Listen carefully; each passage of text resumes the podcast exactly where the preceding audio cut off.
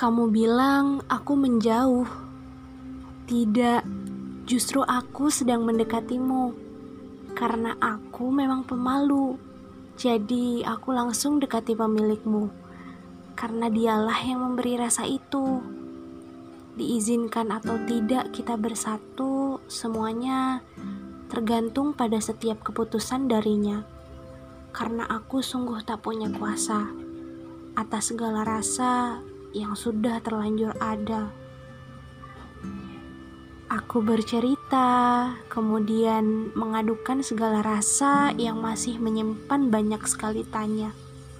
Karena hanya dia yang bisa mengerti, hanya dia yang bisa memahami.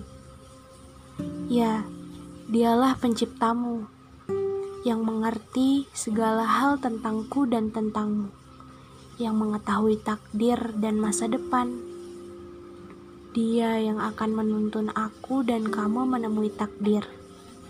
Apakah bersama atau dengan yang lain, yang pasti terbaik untukku dan untukmu.